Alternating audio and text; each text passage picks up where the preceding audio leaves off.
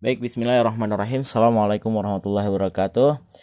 Uh, kita beralih kepada pembahasan selanjutnya yaitu soal nomor selanjutnya yaitu Haji Rojali merupakan juragan waralaba dan franchise dan mengenakan konsep royalty fee dengan jangka waktu tertentu. Bagaimana analisa tinjauan fikih waralaba antara Haji Rojali dan partnernya? Maka yang perlu diketahui itu adalah pertama definisi dari waralaba atau franchise. Waralaba ini berasal dari bahasa Perancis, yaitu francir yang mempunyai arti memberi kebebasan kepada para pihak. Maka definisi yang diambil dari bahasa Perancis ini menekankan pada pentingnya peran nama dagang dalam pemberian waralaba dengan imbalan royalti.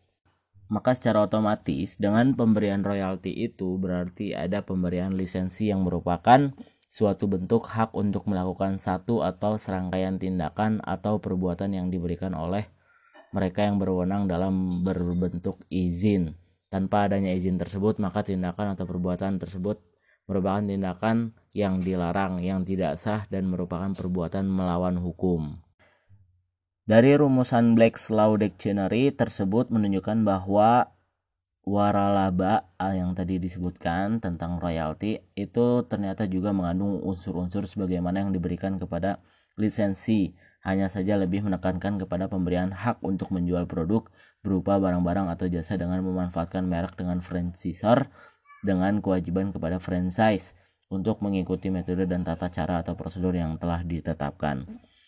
Dalam pasal 1 Undang-Undang pasal 1 ayat 1 Peraturan Pemerintahan nomor 42 tahun 2007 tentang waralaba, waralaba juga diartikan sebagai hak khusus yang dimiliki oleh orang perseorangan atau badan usaha terhadap sistem bisnis dengan ciri khas usaha dalam rangka memasarkan barang atau jasa yang telah di yang telah terbukti berhasil dan dapat dimanfaatkan dan atau digunakan oleh pihak lain berdasarkan perjanjian waralaba.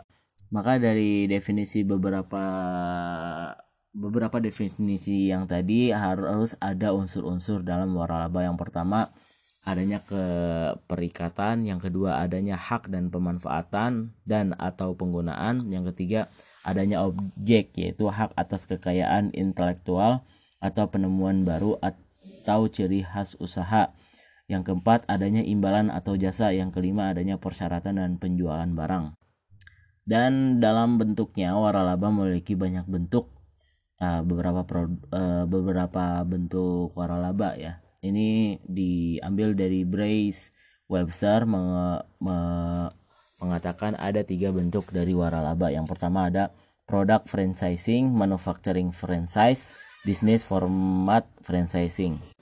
Jadi dalam bentuknya waralaba ini uh, seorang franchisor adalah orang yang memiliki usaha yang di mana dia menerima lisensi hak franchise ini adalah menerima lisensi, sedangkan kewajibannya adalah membayar royalti kepada franchisor dan menjaga kualitas barang dan jasa yang telah di-franchise. Bidang usaha waralaba ini juga telah di, diatur dan dilindungi oleh hukum terhadap franchise ya, terutama di Indonesia.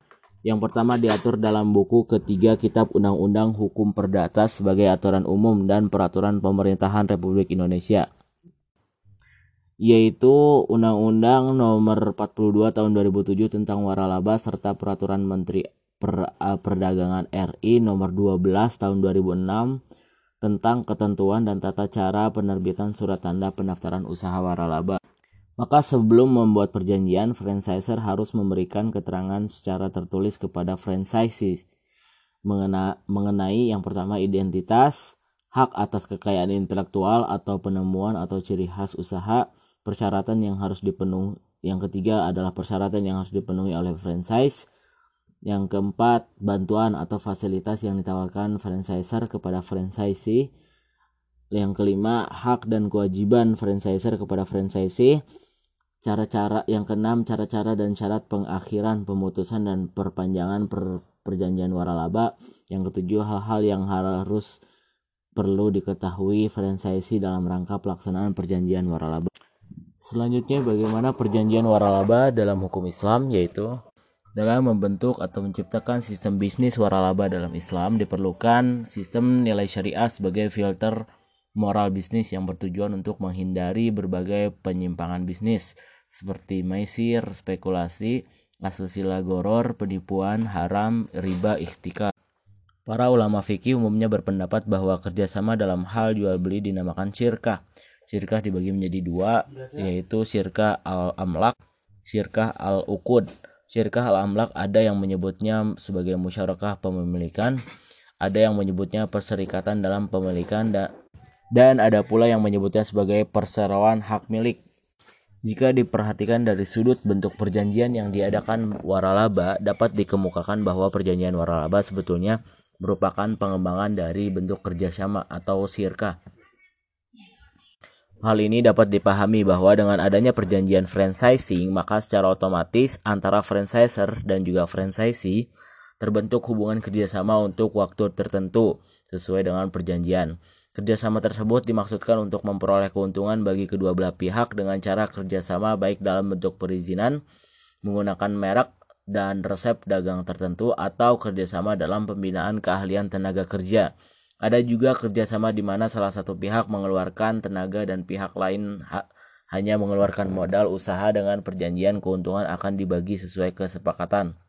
Maka prinsip yang perlu dipegang adalah dasar bermuamalah, yaitu kegiatan yang mengandung maslahat, menjunjung tinggi prinsip keadilan, jujur, saling tolong menolong, tidak mempersulit, suka sama suka, serta menjauhi segala bentuk riba. Maka diperlukan syarat-syarat yang harus dipenuhi agar tujuan akad dipandang sah dan mempunyai akibat hukum. Yang pertama, tujuan akad tidak merupakan kewajiban yang telah ada atas pihak-pihak yang bersangkutan tanpa akad yang diadakan. Tujuan harus berlangsung adanya hingga berakhirnya pelaksanaan akad. Tujuan akad harus dibenarkan syariat. Maka bisa disimpulkan bahwa akad waralaba ini dapat uh, di dalam perjanjian waralaba ini tidak terdapat halangan-halangan atau larangan-larangan syariat dalam bisnis Islam. Maka dalam perjanjian ini telah terpenuhi rukun, syarat, dan prinsip dasar bermuamalah. Artinya perjanjian ini dibolehkan dan sah jika telah memenuhi rukun dan syarat-syarat perjanjian pada umumnya. Baik, itu saja yang bisa disampaikan. Terima kasih. Assalamualaikum warahmatullahi wabarakatuh.